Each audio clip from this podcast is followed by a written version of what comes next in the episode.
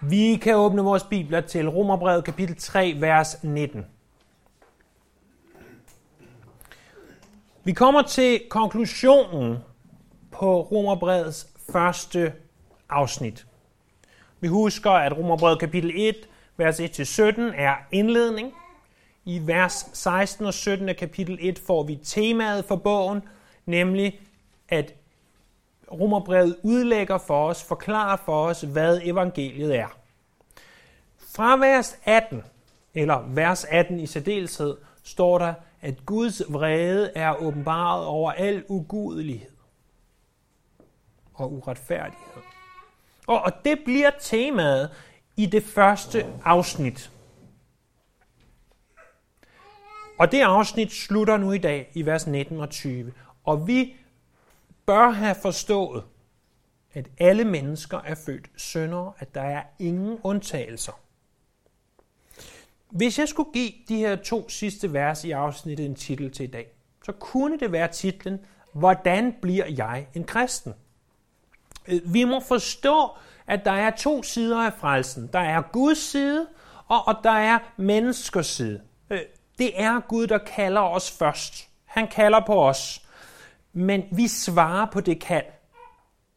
Og det svar, det kommer på mange, med mange titler på mange måder. Man kunne sige, jeg er blevet frelst, jeg er blevet en kristen, jeg er blevet en troende. Vi skal se på den sidste del af svaret i dag. På det, der er vores kald, vores svar på kaldet. Øh, vi skal se det i forkortet form naturligvis. Og vi skal se det i form af tre erkendelser, som vi må komme til for at besvare det kald. Hvorfor skal vi som kristne, hvorfor skal vi som bibeltro kristne overhovedet beskæftige os med det her? Hvis vi er kristne, så bør vi jo per definition allerede være klar over det her. Det burde ligge i os. Jamen, for det første skal vi beskæftige os med det, fordi at vi skal være sikre på, at vi er kristne. For det andet, så må vi beskæftige os med det, fordi at det er en nødvendig del og en integreret del af Bibelen indimellem at se på, hvad vil det sige at sige ja til Gud? Hvordan gør jeg det? Og for det tredje, i det vi fortæller andre om Jesus, så tror jeg også, at det er øh, et værktøj for hver og en af os at vide, hvad er det egentlig, som mennesker gør, fra menneskers side og fra menneskers perspektiv, der sker i det, at de siger ja til Jesus, bliver kristne, bliver frelst osv. Derfor tror jeg, at det er nødvendigt at se på det også den her formiddag. Der er egentlig i den her tekst tre ting, der må være, før at, at vi ligesom har den erkendelse, der skal til at sige ja til Jesus. For det første må du være mundlam. Du må være mundlam. Hvad mener jeg? Men prøv at se teksten, som vi har foran os, øh, som vi læser i dens helhed og så udlægger. Romerbrevet kapitel 3, vers 19. Og vi ved, at alt hvad loven siger, taler den til dem, der er under loven. For at hver mund skal lukkes, og hele verden stå strafskyldig over for Gud. For af lovgærninger bliver intet menneske retfærdigt over for ham. Det, der kommer ved loven, er jo syndserkendelse. Det første, der må til, det første, du må erkende, det er, at du må stå foran Gud som mundlam. I vers 10-18 har Paulus argumenteret med adskillige skriftsteder fra Bibelen. Han kalder det her for loven, selvom de skriftsteder egentlig kommer fra salmernes bog, fra Esajas, så ser han hele det gamle testamente som Guds lov, og det er jo det, den er. Det er jo det, Gud har sagt, det er de standarder, Gud har sat for os, det er den måde, han ønsker, at vi skal leve på, eller hvad der er sandt om ham. Det er hans lov. Og Bibelen den taler først til jøderne, og jøderne de var under loven. Læg mærke til, at der står, at hvad loven siger, taler den til dem, som er under loven. Men vil det være fair at sige, at hvis jøderne, som var Guds ejendomsfolk, og som er under loven, står strafskyldige over for Gud? så gør vi, som er født som hedningerne, også. Og ja, det tror jeg vil være fair, især når vi de sidste mange, mange, mange søndage har set på kapitel 1, kapitel 2 og kapitel 3, at hele verden står strafskyldige, er skyldige over for Gud, er født under synd. Det er jo det, som vers, e, kapitel 1, vers 18, at Guds vrede er åbenbaret fra himlen over al ugudelighed og uretfærdighed. Bemærk rækkefølgen. Først over ugudelighed, over det, at vi ikke vil Gud, og så derefter over uretfærdighed, det at vi ikke behandler andre mennesker, som vi skal. Guds vrede er åbenbaret, og det burde stå ganske, ganske klart. Men vi skal indse, at hvis vi vil modtage frelsen, så bliver vi nødt til at stå mundlamme over for Gud. Der står, at hele verden, at loven gør, at hele verden kommer til at stå mundlam over for Gud. At hvert mund skal lukkes. For det første må vi forstå, at en dag skal hver mund lukkes. Nu taler jeg ikke bare om din og min mund. Der taler jeg om en hver mund. Den skal lukkes, og så skal den bekende, at Jesus Kristus er Herre til Gud Faders ære, og hver knæ skal bøjes. På den måde så bliver hver mund lukket. Alle kommer til at indse, at Jesus Kristus er Herre. Men for de, der vil frelses, der må munden først lukkes på den her side af evigheden. Med andre ord, munden må lukkes i det, vi indser, at vi er født som syndere. Jobs bog, som Niels jo påbegyndte en udlægning af i foråret, handler om, hvordan den her mand Job, han bliver øh, udsat for alverdens forskrækkeligheder. Eller hans børn dør, eller hans rigdom bliver taget bort, han bliver selv alvorligt syg. Alle de her ulykker rammer ham. Og så har han nogle formodentlig velmenende venner, der dukker op hos ham, og den største del af Jobs bog, det er, at de her venner, de, for, for at sige det på godt dansk, så kæfter de op. De snakker og snakker og snakker og snakker og snakker og snakker og snakker og snakker og snakker noget mere, og siger faktisk ingenting. Men i slutningen af Jobs bog,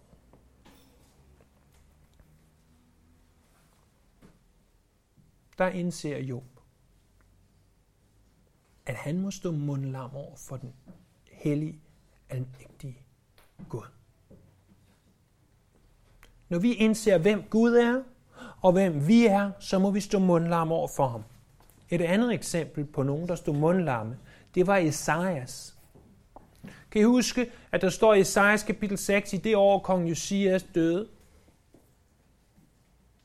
Der så jeg Herren sidde på en højt ophøjet trone, og hans slæb fyldte templet, og der var serafer, der synger, de her engle, der synger. Og hvad er det, de siger? De siger, hellig, hellig, hellig. Og i det, at Esajas, han får det her syn af Herren på sin trone. Der er det ikke sådan, at Esajas, han begynder at sige, det var da spændende, lad mig tegne en skitse og tage nogle notater, når han siger, ved mig, det er ude med mig, for jeg er en mand med urene læber. Han stod som mundlam, venner. Da Jesus viser den rige unge mand, hvem han egentlig er, hvad sker der så? Husker I beretningen om den rige unge mand? Der kommer en mand til Jesus, øh, Markus kapitel 10, og siger, Mester, hvad skal jeg gøre for at få det evige liv? Så siger Jesus til ham, hold budene. Og ham, det har jeg gjort. Jeg er, jeg er faktisk rigtig god. Og så nævner han øh, en del af de bud, han har holdt, som er bud fra øh, lovens anden tavle, nemlig alt det, vi gør imod mennesker. Jamen, jeg har æret mine forældre, og jeg har aldrig lovet, jeg har aldrig stjålet, og jeg har gjort alle de her ting. Jeg er rigtig god ved mennesker, siger han. Nå, siger Jesus så. Jamen, der, der er bare én ting mere, du må gøre. Selv alt, hvad du har. Giv det til de fattige, og så følg mig. Mm, siger han så. Og så giver han bort. mundlam. Hvorfor? Fordi han var meget rig, står der. Men prøv lige at tænke over det. Det er jo ikke bare, fordi han ikke vil opgive sin rigdom. Hvad er det, han lige har sagt? Han har sagt, jeg er god mod mennesker. Jeg overholder lovens anden tavle. Det er det, han har påstået. Men Jesus får ham til at indse, at han ikke overholdt lovens anden tavle. Han var der ikke endnu. Han var ikke nået det uopnåelige mål at behandle mennesker, som han vil behandle sig selv. Og så står han mundlam over for Jesus. For når vi står foran den hellige almægtige Gud, og når han viser os i loven, at vi ikke lever op til den, så står vi mundlam. Så ved vi ikke, hvad vi skal sige. Og det er der, vi må komme til. Jeg har et fjerde eksempel. Det er i åbenbaringen kapitel 8, vers 1. At det syvende og sidste sejl bliver åbnet. Og så står der, der var en halv times stillhed i himlen.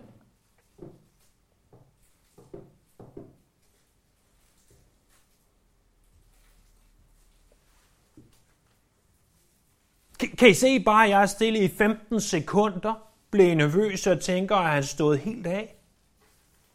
En halv time er lang, lang tid. Hvorfor? Fordi de står foran den hellige, almægtige Gud, og de ser, hvad han er i stand til. Hvis du vil frelses, så må du stå mundlam foran Gud. Du må indse, at du ikke lever op til loven. Du elsker ikke Gud af hele dit hjerte. Du elsker ikke mennesker som dig selv. Det er det, du må indse. Du må indse det i, til en sådan grad, at du klapper i og siger, jamen, jamen, jamen, jamen, nej, ikke noget jamen. Det er den erkendelse, vi må komme til. Vi må stå mundlamme over for ham. Det er det første. Den anden erkendelse, vi må komme til, det er, at vi ikke kan klare det selv.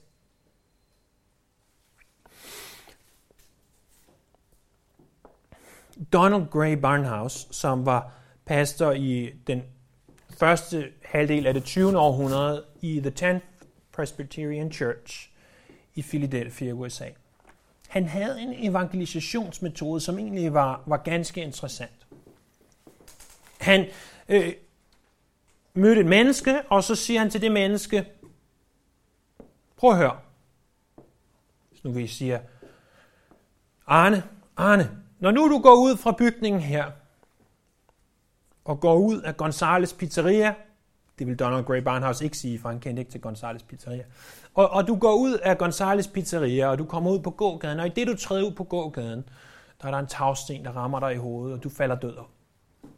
Og så, Arne, så, så bliver du øh, øjeblikkeligt transporteret op i, i Guds nærhed. Og han tilføjer endda ikke noget med Sankt Peter og andre ting, som vi kun fortæller i dårlige jokes. Ikke sådan noget. Nej, nej, foran Guds trone, Arne. Der står du.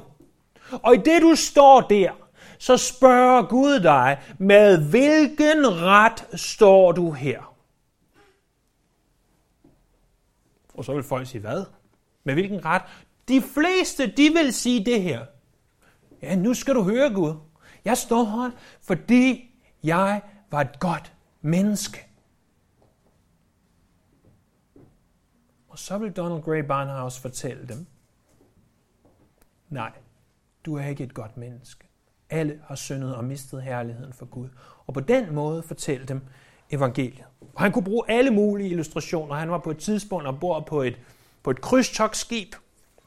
Og der var de jo altså nogle gange fanget i ugevis, når de for eksempel krydsede Atlanten. Og forestil jer, hvilke makabre illustrationer, du kan komme her ombord på et, på et krydstogtskib, om hvad der kan ske med det. Så, så det var altså hans indgangsvinkel. Det kan man så lige eller ej, men sådan gjorde han. Og størstedelen af menneskeheden, de vil svare, jeg står her med den ret, at jeg var et godt menneske. At mine gode gerninger er bedre end mine dårlige gerninger. Eller er flere. Det, det er det, som Niels for nogle onsdage siden kaldte for julemandsprincippet. Ikke? At, at julemanden kommer, hvis du har været en bedre lille dreng, end du har været en dårligere lille dreng. Og, og i virkeligheden er det jo, er det, jo det, vi, vi er, der er så indgroet i os. Ikke bare med julemanden, øh, som jo selvfølgelig er, er en løgn, øh, som masser af forældre bilder deres børn ind for at få dem til at opføre sig ordentligt. Øh, men med alt muligt andet. Øh, Hvis bare jeg er god, så skal det nok gå. Hvis bare jeg er god nok. Det kan godt være, at jeg står mundlam foran ham. Men jeg har trods alt gjort mange gode ting. Jeg har været i kirke hver eneste søndag. Jeg har læst i min bibel. Jeg er døbt og konfirmeret. Men, men prøv nu at se, hvad der står. Vers 20. For at lovgærninger bliver intet menneske retfærdigt over for ham. Det, der kommer ved loven, er jo syndserkendelse. Hvad er en lovgærning? En lovgærning er en hver gerning, som vi udøver, fordi vi tænker, at det vil give os bedre ret i det, vi står foran Gud. Så hvis du sætter dig ned og læser i din bibel, og det håber jeg, du gør, men hvis du sætter dig ned i din bibel og læser i din bibel, og siger, nu har jeg læst min bibel, nu har jeg bedre ret til at stå foran Gud, så er det en lovgærning. Så er det en lovgærning. Hvis du tænker fra 1. januar 2021, der vil jeg hver eneste dag overholde de 10 bud til punkt og prikke. Så har jeg en bedre ret til at stå foran Gud. Det var som regel til klokken 10 om formiddagen, og så ikke meget længere, men sådan er der så meget. Det kunne også være, at du ligesom det jødiske folk, øh, især de ortodoxe jøder, sætter dig for, at nu vil jeg overholde de 613 bud i Toraen, og jeg vil gøre det til punkt og prikke, og jeg vil gøre det til en sådan grad, at jeg bliver nødt til at tilføje flere regler og, og love, for at være sikker på, at jeg overholder de 613 bud. Det kunne også være, at du som kristen siger, nej, jeg vil leve efter bjergprædiken. Ja, held og lykke med det. Øh, men det kan godt være, at du siger det, men det vil ikke give dig en bedre ret til at stå foran Gud. Vi taler ikke om, at vi selvfølgelig som kristne er kaldet til at leve hellige liv. Men det, at du er kaldet til at leve et helligt liv, er aldrig det, der giver dig retten til at stå foran Gud. Så når den almægtige Gud, himlens og jordens skaber, spørger dig, eller hvis nu vi skyder på Arne, jeg sagde ikke, vi skyder ham, men vi skyder på ham, øh, og, og siger, hvilken ret har du til at stå foran Gud? Så lad være med at svare alle mine gode gerninger. Det behøver ikke engang have noget med Bibelen at gøre. Det kunne også være, at vi hver dag sagde, min gode gerning er, at jeg vender mig imod Mekka. Min gode gerning er, at jeg faster, i, i hvert fald når andre ser det, en hel måned om året. Det behøver ikke engang have noget med det, vi i, i dagligdags udtryk kalder religion at gøre. Ah, men jeg gjorde mange gode gerninger. Jeg var medmenneskelig. Jeg var humanistisk, hvad det så end betyder. Jeg var klimavenlig. Jeg var, jeg var politisk aktiv. Og det var gode gerninger. Jeg gjorde meget godt. Ja, det kan godt være, at du gjorde meget godt. Men det vil ikke ændre din ret til at stå foran en hellig, almægtig Gud. Det gør dig ikke retfærdig. Fordi hvad vil det sige at være retfærdig? Hvad vil det sige at have retten til at stå foran Gud? Du vil ikke kunne overholde hele loven. Du vil simpelthen ikke kunne overholde den. For det har aldrig været lovens intention, at du skulle have retten til at stå foran Gud ved at overholde den. Intentionen med loven, grund til, at Gud gav loven, var ikke, så at du kunne blive frelst ved den, men snarere så at du ved den indså, at du er en synder, eller det, som Paulus her kalder syndserkendelse, kommer ved loven. Så Paulus siger, jeg forstod ikke, at jeg var en synder, før at jeg læste, at loven sagde, du må ikke begære. Og så indså jeg, at jeg begærer. Jeg er en synder. Det, der kommer ved loven, er syndserkendelse. I fødselsdagsgave i år fik jeg en meget mandig gave. Et make-up spejl. Øhm, det øh, kan man jo naturligvis sige meget om, og hævnen er jo Guds, ikke min, og alle de her ting. Men nu har jeg simpelthen et make-up spejl. Jeg har et make-up spejl med lys i, og 10 gange forstørrelse. Og det afslører altså ting selv for mit aldrende syn, som ikke er behagelige at se på. Nu er der jo heldigvis corona, hvilket betyder, at du ikke må komme alt for tæt på mig, så du kan ikke se det, men jeg kan se det i det make-up spejl. Ja. Og jeg stiller mig der og tænder for make spejlets lys, så jeg kigger i det og ser mig selv meget tættere på, end jeg har lyst til. Og, og så ser jeg et eller andet, jeg vil ikke underholde jer med, hvad jeg ser, men jeg ser noget, som ikke er i orden, og som bør korrigeres, inden jeg viser mig i fuld offentlighed. Og så siger jeg til make spejl. Kan du så se og rette det? Gør nu noget ved det. Nu har du afsløret, at jeg er ved at blive halvgammel, at jeg har ting i mit ansigt, som ikke bør være der. Gør så noget ved det, dit tåbelige spejl. For alverden skal jeg have et spejl, hvis det ikke kan korrigere det, som er i vejen med mit ansigt. Og spejlet, det griner bare af mig. Det er slet ikke meningen, at jeg skal korrigere noget. Det må du selv klare med barbermaskiner og pincetter og store plastikkirurgiske indgreb og alt muligt andet.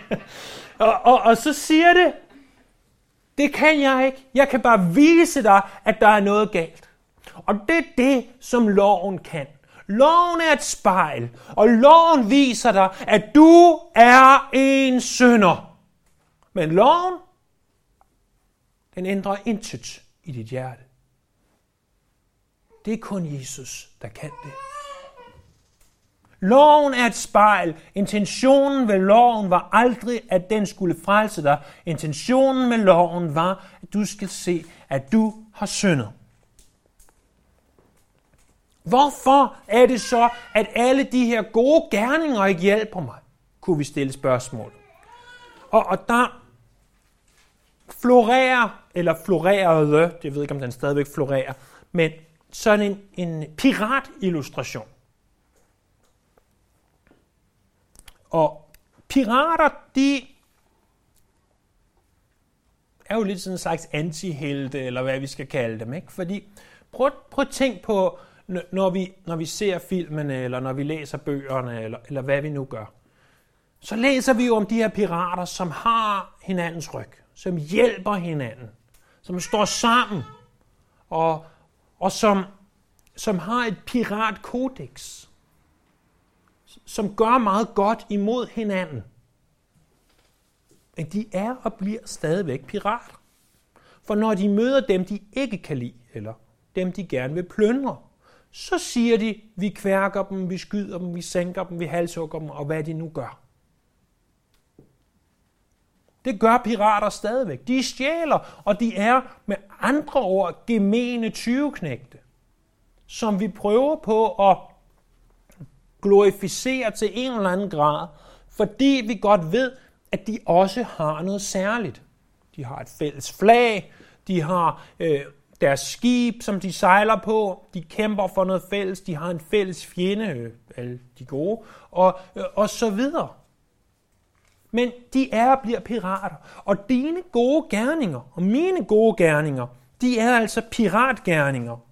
Fordi at lovgerninger, Der bliver intet menneske retfærdigt, står der i Galaterbrevet kapitel 2, vers 16. For selv på dine bedste dage er selv dine bedste gerninger piratgerninger, når det kommer til retten til at stå foran Gud.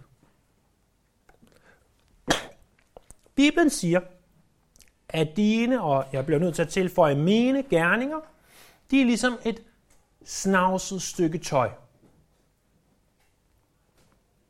Nogen siger, at det snavset stykke tøj burde oversættes som et menstruationsbind. Tænk over det. At det er sådan, vores gode gerninger er. Vi har læst i det afsnit, der ligger for bag os nu, at ingen gør godt, Romerbrevet kapitel 3, vers 12. Og at der er ingen retfærdig, kapitel 3, vers 10. Og vi kommer til at læse i vers 23 kapitel 3, at alle har syndet og mistet herligheden fra Gud. Hvorfor gør de her gode gerninger ikke noget? Lad os se bagefter, så lavede vi en udflugt, en kirkeudflugt. Og I siger, hvad skal vi i dag? Jo, vi skal noget rigtig spændende. Det er et godt eksperiment. Og vi kravler ind i vores biler og drak en liter sprit, så ingen smittede hinanden. Og så kører vi ned til, lad os bare sige, øh, Møns Klint. Og så spørger jeg, hvad, hvad skal vi i dag? Skal vi bare se Møns Klint og se, hvordan Gud har skabt det? Nej, nej, vi skal noget meget mere interessant. Jeg har et interessant eksperiment. I dag, venner, skal vi hoppe fra Møns Klint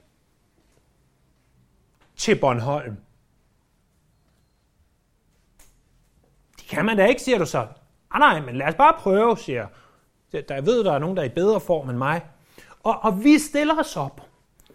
Og, og nogle af os, øh, som har behov for make-up spejl, vi ved godt, det kan være ligegyldigt, og vi stiller os bare på Møns Klint, og vi hopper ud og plasker ned i vandet, hvis man kan det stadigvæk, og, og kommer et par meter ud. Og andre af jer, som er i noget bedre form end jeg, og måske yngre, eller bare i bedre form generelt, I tager tilløb. Og I prøver, og I kommer, og I løber, og I springer, og I når måske 4, 5, nogle er meget vanvittige 7 meter ud. Men der er stadigvæk rimelig langt til Bornholm. Dine gode gerninger vil svare til, at det, alt det gode, du kan gøre i hele dit liv, gør det. For alt i verden, gør det. Jeg siger ikke på nogen som helst måde, at du skal lade være med at gøre gode ting. Jeg opfordrer dig til det. Gør gode ting. Men alt det gode, du kan gøre i hele dit liv, på de 70, 80, 90, 100 år, du måske får på den her jord, alle de gode ting, du kan gøre, det vil være som at forsøge at hoppe fra Møns Klint til Bornholm. Du når ikke mange meter ud i vandet. Og så siger det plask. Jeg er ligeglad, hvor langt tilløb du tager. Jeg er ligeglad, hvor god form du er i. Ingen af os kan hoppe til Bornholm. Det er umuligt. Der er for langt. Det er uopnåeligt. Ingen af os kan gøre nok gode gerninger til, at det kan være vores ret til at stå foran Gud. Og det er den erkendelse, som hver af os må komme til. Husk, jeg sagt, der er tre erkendelser. Den første er, at vi må stå med lukket mund og indse, at vi er syndere. Den anden er, du kan ikke gøre noget ved det selv. Du står der med lukket mund og siger, åh nej, jeg er en synder. Nu må jeg tage mig sammen og rette mig op. Men det kan du ikke. Du kan ikke frelse dig selv. Det er en umulighed. En fysisk eller snarere en åndelig umulighed. Du kan ikke frelse dig selv. Vi kan ikke klare det selv. Der er en tredje og sidste ting, vi må indse. Og den tredje og sidste ting, den kommer til at tage et sted mellem 3 og 10 timer at forklare jer. så tænker vi deler det ud over de næste mange søndage. Og, og det er det, som Paulus han bruger mere eller mindre resten af kapitel 3 og hele kapitel 4 på at forklare os. Den sidste ting, du må indse, Når nu du har indset, at du står mundlarm foran Gud, du ikke kan klare det selv, så må du for det tredje og sidste indse, at den eneste måde, jeg kan have ret til at stå foran Gud, den eneste måde, hvorpå jeg kan sige ja til hans kald til mig, det er ved, at jeg retfærdiggøres. Vi har det der i teksten, i at Paulus skriver, for at lovgærninger bliver intet menneske retfærdigt over for ham. Det giver os et hint til, at vi nu skal til at tale om retfærdiggørelse. Det her retfærdiggørelse ved troen alene, det er det, som kommer til at have vores fokus. Ikke bare nu, de næste par minutter, men næste søndag og søndagen efter og søndagen efter og søndagen efter. Og, og vi vil gradvist dykke dybere i det her og opnå en bedre forståelse af, hvad det er, for det er et af de allermest fundamentale øh, doktriner eller læresætninger, som vi har i den kristne tro.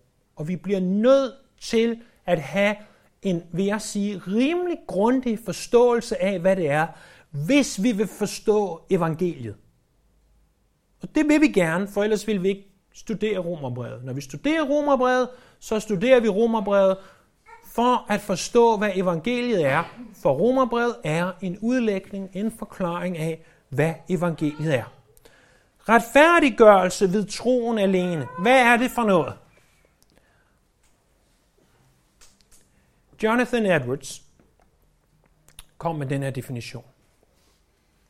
En person siges at være retfærdiggjort, når han accepteres af Gud som værende fri for skyld og synd, og dermed fra den fortjente straf, samt når han har den retfærdighed, som giver ham retten til evigt liv.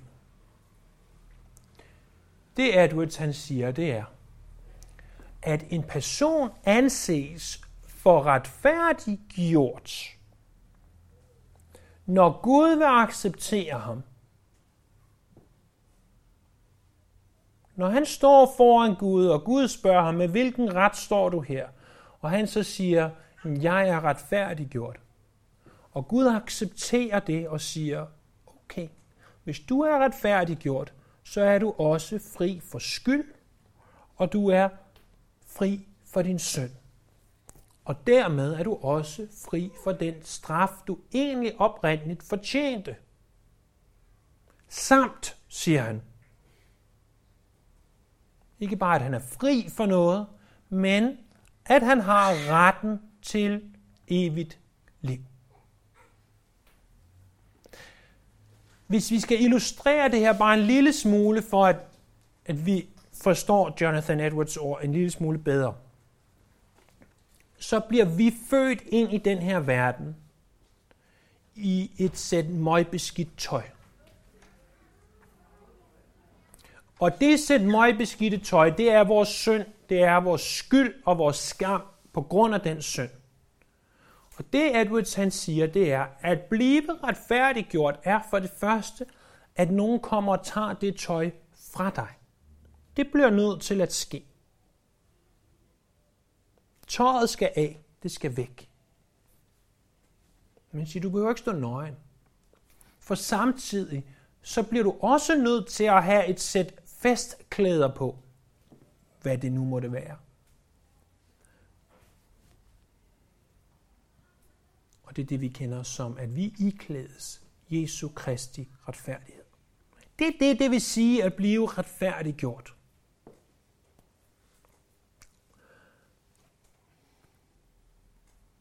Retfærdiggørelse er noget, der siges om dig af en anden. Det er noget, som vi kan sige, når dommeren siger, han er retfærdig, han er fri for skyld, det er ikke ham, der har gjort det, så er det noget, dommeren siger. Dommeren ved reelt ikke, om han har gjort det, men efter hans bedste overbevisning har han ikke gjort det. Og det kan Gud sige om dig. Ikke fordi Gud ikke ved, om du har gjort det. Han ved, at du er skyldig. Men han ved også, at der er en anden, der tog straffen. Og at Jesus døde på korset. At hans blod det flød. Og at han betalte for al den synd, al den skyld, al den skam, som du har. Han tog, hvis vi skal være rimelig grafiske, Jesus tog det beskidte tøj af din krop. Og så gav han dig et sæt festklæder at tage på. Derfor kan du sige til den almægtige Gud, til himlens og jordens skaber, i det du står foran ham, og han spørger dig, med hvilken ret står du her, så kan du sige, jeg står her ikke i min egen ret. Jeg står her i Jesu Kristi ret. Jeg står her, fordi han har taget mit snavsede tøj og givet mig det her sæt festklæder på, med hvilket jeg kan stå retfærdig over for dig, Gud. Så hvordan bliver du en kristen?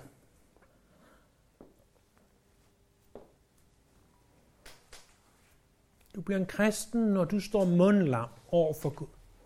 At du indser, at du er en sønder. Du bliver en kristen i det, du indser, at du er en sønder, og at du ikke kan klare den selv. At det er for svært for dig at gøre noget ved dit syndproblem. Du bliver en kristen, når du for det tredje og sidste erfarer, at du behøver Jesu Kristi retfærdighed i dit liv. Og at han har gjort det for os. Sådan bliver du en kristen.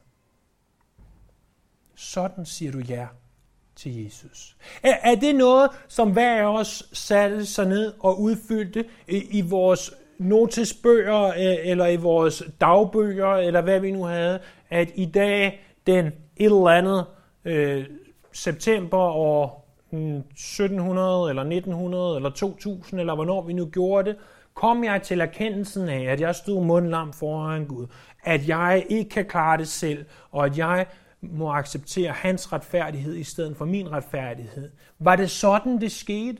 Er der nogen af os, øh, der i virkeligheden kan sige, at det var den proces, jeg gennemgik? Det er derfor, jeg er en kristen. Det tror jeg ikke. Men jeg tror, at hvis du og jeg, vi satte os ned og talte om det her længe nok, så vil vi komme frem til, at det mere eller mindre var de her ting, som vi indså. Og vi så råbte ud, hjælp mig, Jesus. Det kan godt være, at det er nogle andre ord, du vil bruge. Det kan godt være, at du ikke vil citere Edwards, eller komme med fjollede illustrationer om pirater og make-up spejle. Men det var de her ting, som skete i dit liv og i mit liv. Det er sådan, du bliver en kristen. Når vi ser det fra vores perspektiv. Lad os bede. Himmelske Far, almægtige skaber og Gud.